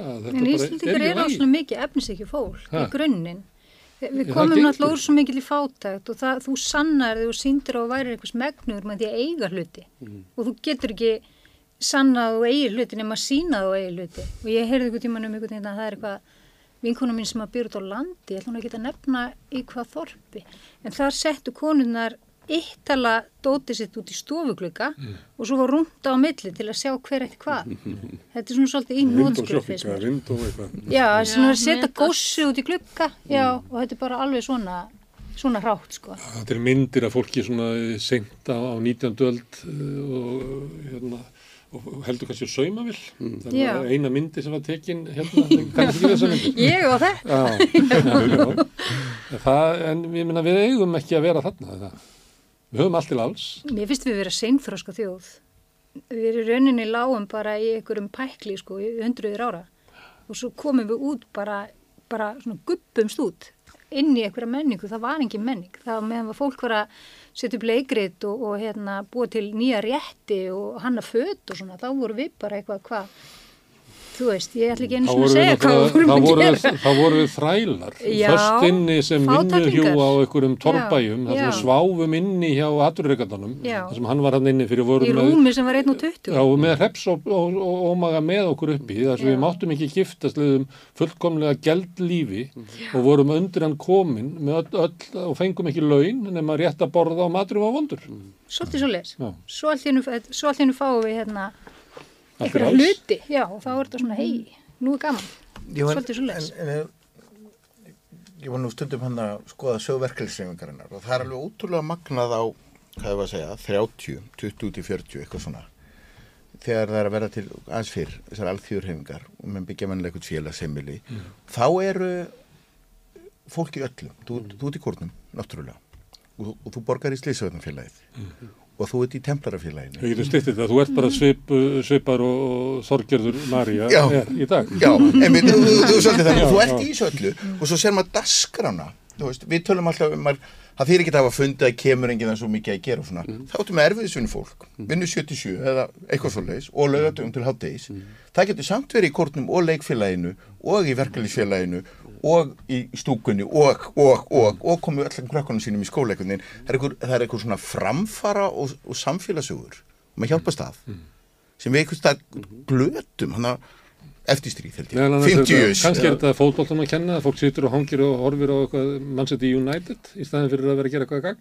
Jú, en það er líka, líka fótboltanum að þakka, þú veist, ungmennafélaginu sem ég er í, menna það eru 1700 krakkar sem æfa þar, Fó, bara fótbolta fyrir utan aðra tildir og svo kemur það hérna á sumrin og það eru bara hundruðir barna að leika sér og þarna hefur mennum tekist þetta svona fram eftir allavega, menn eru að leika sér. Ég var ekki að tala um það, ég var að tala um kallana sem að Já, já, en- sita þarna og horfa á ennska boltan þrjá, fjóra leiki á viku í staðin fyrir að vera að gera eitthvað betra.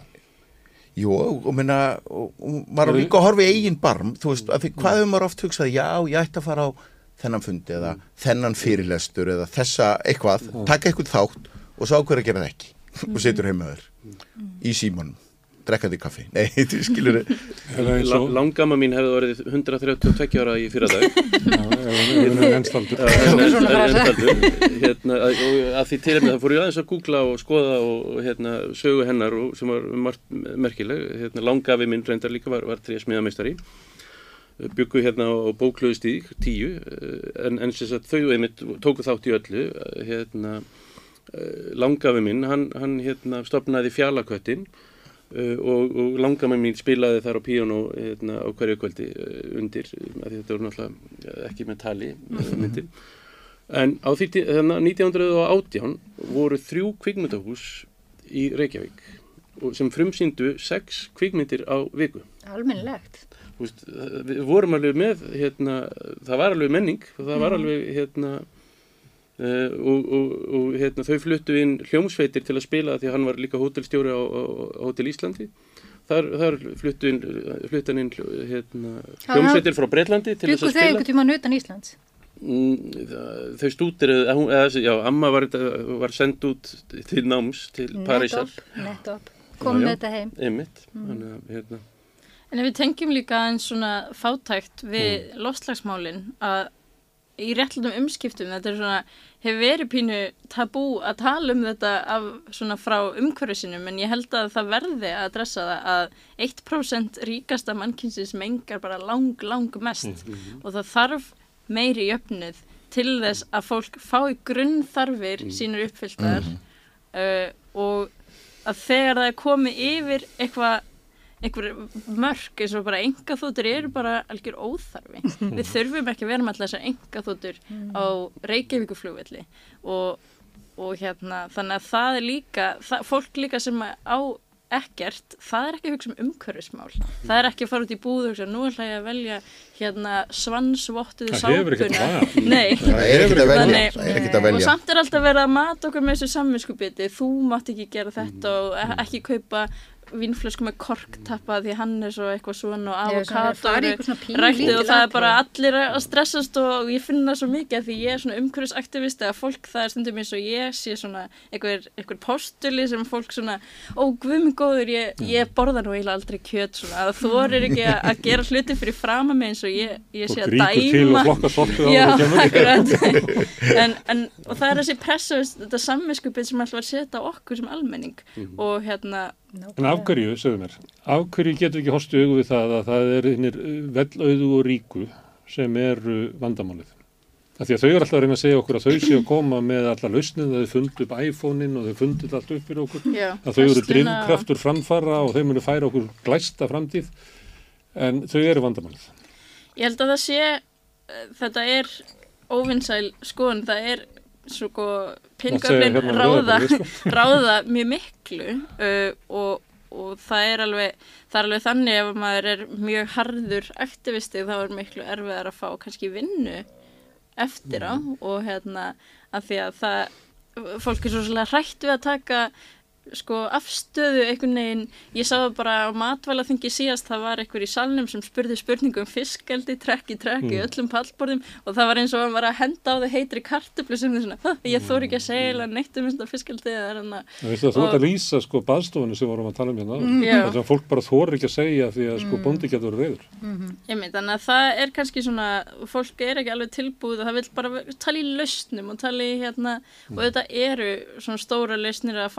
tilbúið og og og svona og alveg partur af því, þeirri vegferð sem þurfum að vera á. Uh, en það er ekki hægt að tala bara en, um það. en, en, en og það er þetta horfa í eigin barm. Ég var sagði svo sá Mhm. Geir Gunnar sinni sem var þingmaður fyrir alþjóðbandala í, Reykjaneskjördami og hann var í þinginu og þú veist það er mötuneyti og svona þú veist. Hvað- og hann borgar með peningum. Og það er annað þingmaður sem segir hann að borga með peningum? Og þetta voru okkur smáurar. Þú veist þú getur bara verið hérna í reikning já, sagði Geir þá. Ég vil það ekki að því það er þessi lánsviðskipti sem halda upp í verbulgunni mm. þú veist og hann ákvæmst að gera eitthvað í því algjörlega prívat. Já, við tölum öllum verðbólguna. Og það er ómölu verðbólgan og við erum alveg saman um það að vera að gera eitthvað í verðbólgunni og ríki verður að gera eitthvað í verðbólgunni. En hvað gerir, þú veist mjög, að því það er hinliðin á því að vera svona félagslega þengjandi og taka þátt í kórnum og, öllu. Það er líka að hugsa, þú veist, hvað get ég gert? Og ekki, maður breytir heiminum með að byrja sjálfnum já og allir svona gamli verkalýskallar, svona verkalýskúltúr á Norrlundunum hann stýrist aldrei neitt um að ríkisvaldi ætti að gera neitt. Það var samtök alþýðu ætlaði að gera hitt og þetta. Og þe- það hefðu aldrei einhvern veginn kvarlaði um að gera svona mikla kröfur á ríkisvaldi svo, svo, svo breytist það að eins og leiti Verkefnisreiningi byggði upp verkefnabústæðina alþýðu bankan, alþýðu brauðgerðin Já. það seldi þetta allt saman á nýfrálsvíkutímanum og svo heldur það bara að það er ekki okkar hlutverk að vera með eitthvað svona, eitthvað mótvægi við þetta. Sambandið var náttúrulega það sem að, hérna, það hvarf. Já, og, þannig að hugmyndir um að við ættum bara að búa þetta til sjálf er löngu döð já, og, og, og, og sambandi var kauffjölögin frábær hugmynd, þú veist, við tökum okkur hérna saman, við erum að framleiða eitthvað reynum að selja það saman og reynum að kaupa inn sigur og kveiti og svona saman til að fá heldur betur það öll er samkendin sem vantar aftur en ég held samt að það sé pínlítið hættulegt í umhverfismálunum að sko auðvitað eigum við að byrja okkur og breyta okkar lífstíl og gera betur en ég hef bara fundið það sem svona aktivisti að krafan verður svo mikil að mann fallast hendur. Þú, mátt, þú mátt ekki segja neitt um lofslagsmál, það er alltaf ráðast að þig persónlega, Já. já, hvað borðar býttu borðar þú kjöt, bara, Akkúrat. nei, bara ekki bara stundum, eitthvað, áttu bíl, áttu, þú veist hvað Já. hvað ert að gera? Og fórst í flugvél, ég trúi þér ekki þú veist, já, já. Og, og ég hef alveg verið á þeim staði, ég bara, ég var vegan ég vildi helst ekki fljúa, ég var bara ég var, fór alveg alla leið. Og það sem gerist var, ég var brjáluð. Ég var svo reið út í alla hina sem voru ekki að gera þetta. Já, já, já. og það er bara mikill dreifkraftur sem að, sem að eða það er eitthvað sem að drífur fólk inn í kulnun mjög hratt.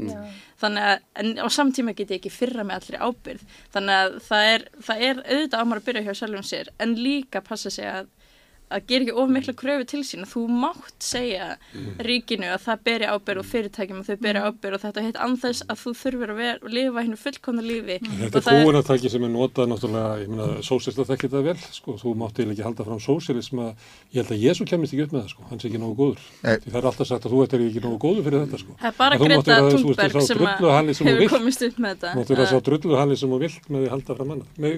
Greta Thunberg já, nú er hún orðin Já. úlingur og hún kona, Nú og það hana. þau bara tónin kakvart þenni já, breytast. já. sko. En, en hún samt, hún, að því hún er líka einhverf, að þá gat hún ekki réttlægt fyrir sjálfur sér og tala um þessi mál, þess að gera allt fullkomlega og það gerði fólk brjálað. Að hún væri, hún sildi yfir sjóin, en hennar skilabóð voru samt alltaf, ég ger þetta því ég get það. Það, er ekkit, það get ekki allir bara bara að sigla yfir sjóin og seglskútum, það, Ég, það er ekki En- hægt, sko, eins og til mér ég í þessum internet hérna, þessari ólguminn allri, ég verð að vera á Facebook.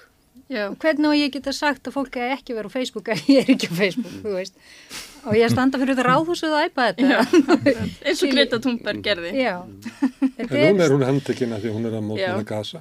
Akkurat og, og loftslagsaðgerra sinnar eins og í Þýskalandi eru búin að svona lýsa yfir að vera ekki lengur í reyn sama pakka og greta út af því að, hérna, að þetta, það eru svo skiptar svona, það er svo mikið polarisering á þessu, þessu máli uh, og hérna sem bara mjög sorglegt að sjá. En, en ég er bara meðist frábært að hún taki þetta alla leið. Þetta loftslagsréttlæti líka er bara réttlæti yfir höfuð og, og þjóðamorður er náttúrulega bara eins langt frá réttlæti eins og hægt er.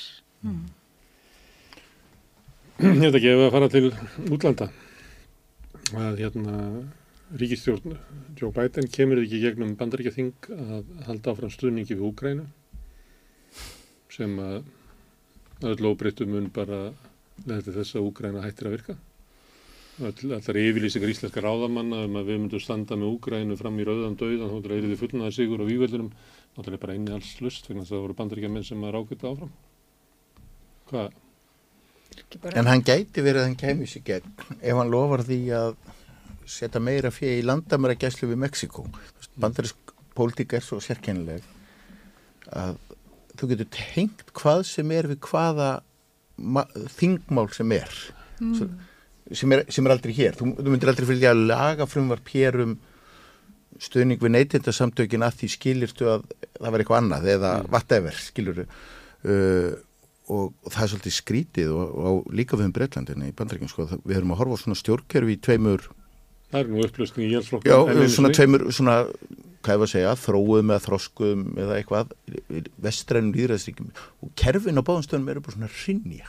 Þú veist, þeir, þeir get ekki gert svona, eins og í bandarækjum sérstaklega, bara svona, svona venjulegi hlutir eins og samþykja fjárlög og reka ríki svona frá degi til dags og koma fram svona, þú veist, hafa hennan, hennan eðlilega debatt í þinginu og eitthvað svona, Þa, það er bara að rinja. Og núna eru þeir sem sagt með í frambúið tvo menn og eða, stefnir í það verið tveir kallar sem eru að verða aftræðir. Annar er, sko, Með aldrei virðingu fyrir fólki og þeim aldrei. Já, já, við erum, Ah. en, en sko við eigum ekkert að velja okkur fórustu fólk á þeim aldri þá er að Af menna að því ég held að menn minna, þegar ég allavega á bætinu bara skilja að fá hans að kvíla sig og menn missa starfstreik með aldri það er ástæðan fyrir að við erum eitthvað skonar eftirlauna aldur og það að, að, að menn sem þurfa að vera uh, og, og, og fólk kveikt og öllum alltaf þetta er ekkert ásala holdur út 80 eitthvað ára eða, ég, Ég, ég ber jú. verðingu fyrir öldungum og þeirra visku sko. jú, jú, en, en ég held að þetta sé koma út í tómavilsu Og Trump virðist vera þreg meiri heldur en bætin. Já, en hann er líka Þegar maður þremur- á viðtal við bæti þá bara veit maður ekki hvort hann na- dugi út viðtalið. sko. Hann er líka á þremur árum yngri, sko. er það ekki? Er, ekki, er hann ekki 77 ára og hinn áttræður, er þetta ekki svona eða? Þetta er, þetta er algjör, en bara hvernig stjórnkerfið þar virðist bara vera svona hreinja onni sig eða inn í sig. Uh, og, og það er náttúrulega inniböðu bías að að þeir eru með tvo öldudöka þingmenn hvert ríki, þá skiptir eiginlega engum máli hvað gerist, republikana munu alltaf hafa allavega helmingin Alltaf neitun og allt. E, Já, svolítið að þú veist, breytingar til dæmis á stjórnkerfinu verða trúlega aldrei samþyktar og svo framins og framins. Svolítið að ég, ég, ég, ég sé ekkert hvernig þeir ætla að komast út úr þessu. Bætin segir það núna reynda þessa dagana, hann sé bara í frambóða að því Trump sé að fara, að því hann haldi að sig geta engin annar unniðan, mm. getur vel verið sér rétt mat hjá honum. Hvað segir það um demokrataflokkin? En þeim eru ekki tækist að ala upp, já, til dæmis á þessum fjórum árum, neitt sem eigi sér síðan. Margrét, viltu hafa uppi varnir fyrir al, hérna, fólk á átrásaldri? Já, absolutt. Mm. Ég bara held að það sem ég einstaklingsbundi hvernig það heldur heilsu. Fólk er alltaf að verða eldra og eldra og eldra og það er talað um, ég man ekki hvort þessi 2040, það sem er talað um að minnst og kosti þrjá, ég held þessi 30% eða eitthvað svolítið þjóðarinnar verði komin yfir eftirlaunahaldurinn. Og, og fólk er mitt sko, hvað er alltaf verið að segja hérna, þú veist, 69, 40 og allt þetta sko, þannig að ég, mér finnst ekki, ekki sangjan, mér finnst að vera svona discrimination að vera að setja eldra fólk sko. Það er samt áhugavert Til að það sé sem sagt, það eina sem er í, í bóði og líka komandi úr svona flokka hérna bara hafsjó uh, sem að í Evrópu er að það sé alltaf bara tveir. Og það sé, þú þurft alltaf bara að verra, velja hverju skárri af því að þeir eru eiginlega báðir, þú veist, frekar slæmir. slæmir. Já. og það eru þetta hérna það getur vel verið að fólk sé betra með að, og, og, minna, jú, jú, við erum hilsu betri og, og allt það, en þetta er ekki, þú veist, þú Er það ekki bara þessi kallar sem þið finnst eitthvað hálf Ég meina, mér fannst, mér fannst, Ég ég ætla, það, sko. má nefna aðra kalla, þú veist, hérna, Churchill var skorðin senýll þegar hann var síðast. Dó 93 ára. Já, og meina, hann var, hérna, fósitistráðandi, hann var áttræður eða eitthvað og vissi, vissi ekki hvað dagur var. Ég meina, hann hérna... Brésni við vald uh, þrjú ár eftir hann dó eiginlega. Já, en, en, en það og var svona... báðir meira að minna druknir allar valdatíma sinn Já, og, og, og svo framvegis, ég held að þetta sé ekki gott fyrirkomulag. Þeir, ég er ekki að segja það að, að, að, að, að, að þeir ekki taka þátt, en fórustu fólk á að vera á einhverjum svona, einhver- einhver- einhverjum svona besta starfsaldri, hvenar sem það er nákvæmlega og, fyrir utan, auðvitað, hef ég ekki neina trú á þessum tveimur mönnum. Það er Nei, að- nákvæmlega. frá, Eh, þar Það getur fyrir alveg komið einhver superflott típa, þú veist, sem að væri einmitt áttræð. Mér finnst bara gott að það sé breytt, það verður að vera allt í bóði Já, en eins og þetta Það er í virka, þú þarft að vinna þér svo rosalega langt upp til þess að þér sé treystandi Og sér búin að byggja hæsta upp. rétta sem þeir sita meðan þeir, sko, með þeir anda, Já, með er það gott fyrirkomulag? Þú veist, ég er ekkert við sem þeir séu hugsi en þeir allavega það með þeir anda. Ég held að fræðilega getur verið feður mínir, en það getur líklega verið langavar þínir. Já, Já, þú skilur búum við svona langavar ekki. já, já. Í Afríku, það sem er vald, vald, valdir svona eh, höfðingjar í þorpunum, mm. þá er yfirleitt valdir sko menn, það er mjög fátt í þessu konur, svona á fertusaldri, á svona svo kvöldum mandóms árum þegar þú ert hérna. Og svo er öldungaráð. Og það var Það er það að sem ég er að hugsa. ja, sko. öldungaráði hefur ekki formlegt vald en Nei. höfðingin þarf alltaf að taka ákvarðinir með því.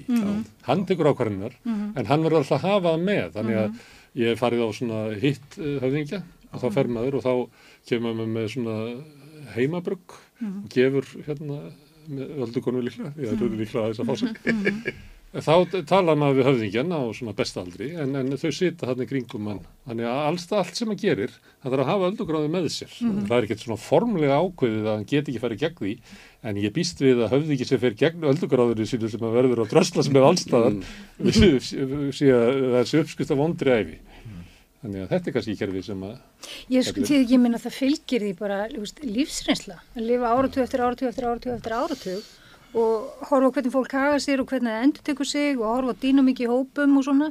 Talandu Bara sóun, við erum að bara afskrifa konur bara 55 ára, ég held að sé meira og minna hægt að hlusta þar eftir það, kalla svona 65 ára. Þetta er, við erum hérna, við, en við erum lengur að missa svona- að bera virðingu fyrir hennum en, en, til, til, til, já. Já, bara verið til svo ung, ungur leittói þá heldur sé, ég myndi eins og það er mikið reynsla sem að kemur með aldrinum en oft líka þröngsýni. Það er rétt, já. Þannig að þess vegna vegna- tekur þess að ungi ákvörðuna, en vegna er hinn segja bara vitið. En það er svo frábært þess vegna að vinna bre með breyðum hópi fólks. Akkurat, Og það er, úr öllum áttum. já, á öllum áttum og svona, og það hérna er held ég það sem Björgunarsveitin. En já, en það er ekki að gerast í bandarískum stjórnmálum. en, en til varnar hérna líðræðinu fáum við ekki alltaf þá fórustu sem við eigum skilið Ég held ekki. Ég held ekki. Ég minna, nú þekki ég bara svolítið að bandaríkjumunum og það er allir bara með svona, uh, þú veist, hérna, þú veist, með þessar kostningar.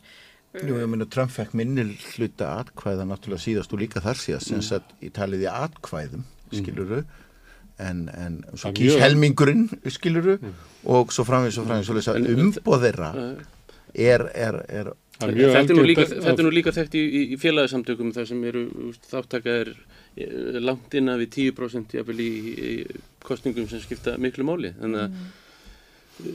já, það, það er mjög erfitt að, að, að ég veit ekki hvernig það er hjá landvernd en það er, hefur, hefur, hjá neyndinsamtökunum er, er hérna hefur það eh, valdið okkur sko hugarangri að, að hver, hversu þáttaka í kostningum er, hefur já, er lítil að, með við félagsfólk sko, inn- fólk bara latt og er að horfa eitthvað í sjónvarpinu. Ég held að, sko, ég hef, mér þykir fátt leiðilegra heldur en aðalfundir allra félagsamtaka það sem rífist eru lagabreitingar og alls konar, ég held að það spili svolítið inn í. Það er þetta að kjósa í posti og ykkur Já, við, við, vorum, við vorum með hérna, kostningar til uh, stjórna núna í oktober og, og, og það var innan við 5% og það var þetta að kjósa í heila viku á, á netinu Já, vorum með. og, og það, var, hérna, það var innan við 5% Það var innan við- Nú er ædolið að byrja kannski eftir að hafa, af þannig eins og ædolið að, að byrja með sko og kjósa fólki burtu, það þykir búið að mis, mis, Já. Já, já, En einu við 5% í minni fjölskyldi til svona líðveldismerkið sem var gefið út í, í, í líðelskostningunum Amin var þá hrefstjóri í sínum fæðingarreppi og hann fekk svona merki og það, guðs, það var 100% kostning mm, allir þeir sem náðu því. Mm. og, og ég held að hún hef ekkit alltaf verið þar í, alveg frábælega leynileg skilur en, en, en þá fannst manni það skipta mála sína góða kostningu og svo lesa það var víða í hreppum 100% þáttaka sem er náttúrulega fáhýrt En það eru beigur hérna við borðið um styrkleika samfélagsins, svona líðræði stóðirnar og fólk hefur áhyggjur af þessu. Að við Ég held að séum- allan heim, bara þessi svona upplýsingaáreiða sem að er nú, sem nú er stjórnmælumenn búin að stela því orði og farnir að tala sjálfur um upplýsingaáreiðina sem að þeir valda sjálfur. En hérna, en það er sem sagt upplýsingaáreiðan og, og bara magnið af gögnum og upplýsingum og algoritmin og allt þetta. leið, hvernig allt traust hvarf þarna upp úr runinu, Já, byrjum á því, og samfélagsmiðlarnir sem koma samlega því, polariseringen sem kemur út úr henni, hættir að vera með prentmiðla, hættir að vera með í rauninni alvöru, almennilega velmentaða blaðamenn, þeir hverfa svolítið, að því að þetta fer að ganga út á smelli, mm -hmm. fréttin að fara að ganga út á smelli, það sem er höfðaðið með til bældra frumkvata eins og, eins og kynkvatar og reyði, eða ofbildisneiðar, og síðan kemur gerfugreindin inn í þetta núna, það sem er, og það er ekki einu svona komin lög um hana. Ég get látið þig segja hvað sem er, gera hvað sem er, en að því að þetta er teikning, þetta er ekki alvöru, þá er ekki að kæra mig talað um upplýsingóriði Já, ég held það að er þetta ekki ég einu bara eftir sinni- að vaksa. Ég fann það einmitt að öllum fannst þetta svo skemmtilegt þannig að þegar maður gætt látið hann að gera hvað sem er. Ég gerði hérna David Attenborough í fimmleikum eða eitthvað og Já. það var óslega fyndið. En það sýnir mann líka einmitt hvað þetta er stór hættulegt. Ég er búin að vera að vinna svolítið með myndir, gera greita myndir, sko. Og það er verið að þrengja þetta, að ég get ekki sett til dæmis Richard Attenborough, eða David Attenborough eða Mark Zuckerberg lengur að er þekktur. Já, En ég gerði myndir að Bjarnar Ben og setti þær á Facebook hjá mér og degi borgarstjóra og fólki fannst það rosa fyndið. Ég setti hann í svona, Bjarnar í svona adidaskalla, þannig að hann var svona eins og slafi og svo setti hann í svaka pels með hérna í gullkalla og eitthvað já, svona. en hann þú var ekki með þekktur fyrir Nei ekki, ekki, nei, ekki núna sko. Nei. En þú veist, það er hægt að gera hvað sem er. Sveipa Og svo eru- af páanum sem að er mjög mikið drift. Já, og svo eru sumi farnir að segja, bing. svo var einn, ég man ekki hvað hann var í malasíðugstar og hann sagði, nei, ég gerði þetta, ég geti gerfugreind, en hann gerði þetta. Þannig að það er hægt að nota það líka. Já, En það er verið að tala núna um að setja lög í kringum þetta og bandargjumenn eru að leita álits almennings á það hvað þeim finnst það að gera. Bretar vilja, vilja nota bara eitthvað gömulugur, gömlu miðnaði vegna þess að þeir vilja ekki hefti þetta of mikið, þeir vilja fjárfestin í landið. Evrópu, hérna, sambandið er að taka best á þessu. Það er verið að setja raunveruleg bönn og höft. En svo finnst mér það skynsalast að það er verið að tala um að setja upp svona alþjóðastofnun sem er svo kjarnorku, hérna, eftirlit með kjarnorkustofnunum. Það sem er í rauninu, hún byggir fyrst, hún er sem sagt, uh, það er náttúrulega engi fjárfestar inn í þessu, eða veist, það er engi svona fjárhásleir hagsmunir, þetta eru bara alþjóðhagsmunir og svo er haft eftirlit með forritunum sem er verið að búa til, kerfunum sem er verið að búa til og taka siðferðslu liðina sérstaklega inn í þetta. Ég vona þetta verði, ég vona þetta rætist. Þetta er svona langálegast. Við skulum enda hérna, ekki bara því að tíminn er kominn og súrefnið að herbygginu þetta. Þakka ekki kærlega fyrir komuna, Þorgerður, Breki, Margrét og Flossi. Takk fyrir. Og ég þakka ykkur hlustundu sem hafa staldra við og hlustað á þetta, bend ykkur á að þið getið eh, byggt upp samstöðuna með að dreifa efnin okkur á umrættum samfélagsmiðlum. Eh, Þið sem að vilji getið tekið þátt í að, að, að byggja okkur upp með því að gera þáskrifundur. Því farið þá inn á samstöðum.is, þar er nappur sem ástendur áskrift. Ef þið ítið hann getið þið skráð ykkur fyrir 2000 krónum á mánuði sem er áskriftin, sem að er ódýrt, ef mér sagt. Og því sem að viljið getið látið áskriftina renna sem félagsgjöldin í alþjóðfélagið og það er alþjóðfélagið sem á og reykur samstöðuna. E, þetta er lokin á daskunum okkar í dag. E, sjáumst á morgun. Allir þættir samstæðvarinnar eru fáanlegir á öllum helstu hlaðvarpsveitum. Hvernig getur við réttlætt að um 63% eblingarkvenna eigi erfitt með að ná endum saman? Ebling stjættarfélag. Baróta fyrir betra lífi. Með því að ganga í leyendasamtökin stiður þú baráttu leyenda. Leyendasamtökin eru fyrir alla þá sem vilja berjast fyrir réttlátu húsnæðiskerfi. leyendasamtökin.is Taktu þátt í vali á stopnun ársins 2023 á sameiki.is. Hlýtur þinn vinnustæður verlaun. Sameiki. Samstöðin er í eigu hlustenda, áhorfenda og lesenda. Þú getur átt samstöðina á samt öðrum félögum í Alþýðufélaginu. Þú getur gengið í Alþýðufélagið á samstöðin.is. Þar er nappur sem segir skráning. Húsnæðiskostnaður tekur meira en helming á ráðstöðuna tekjum verkafólks í eblingu. Hvernig er þetta réttlæta það? Ebling stjættarfélag.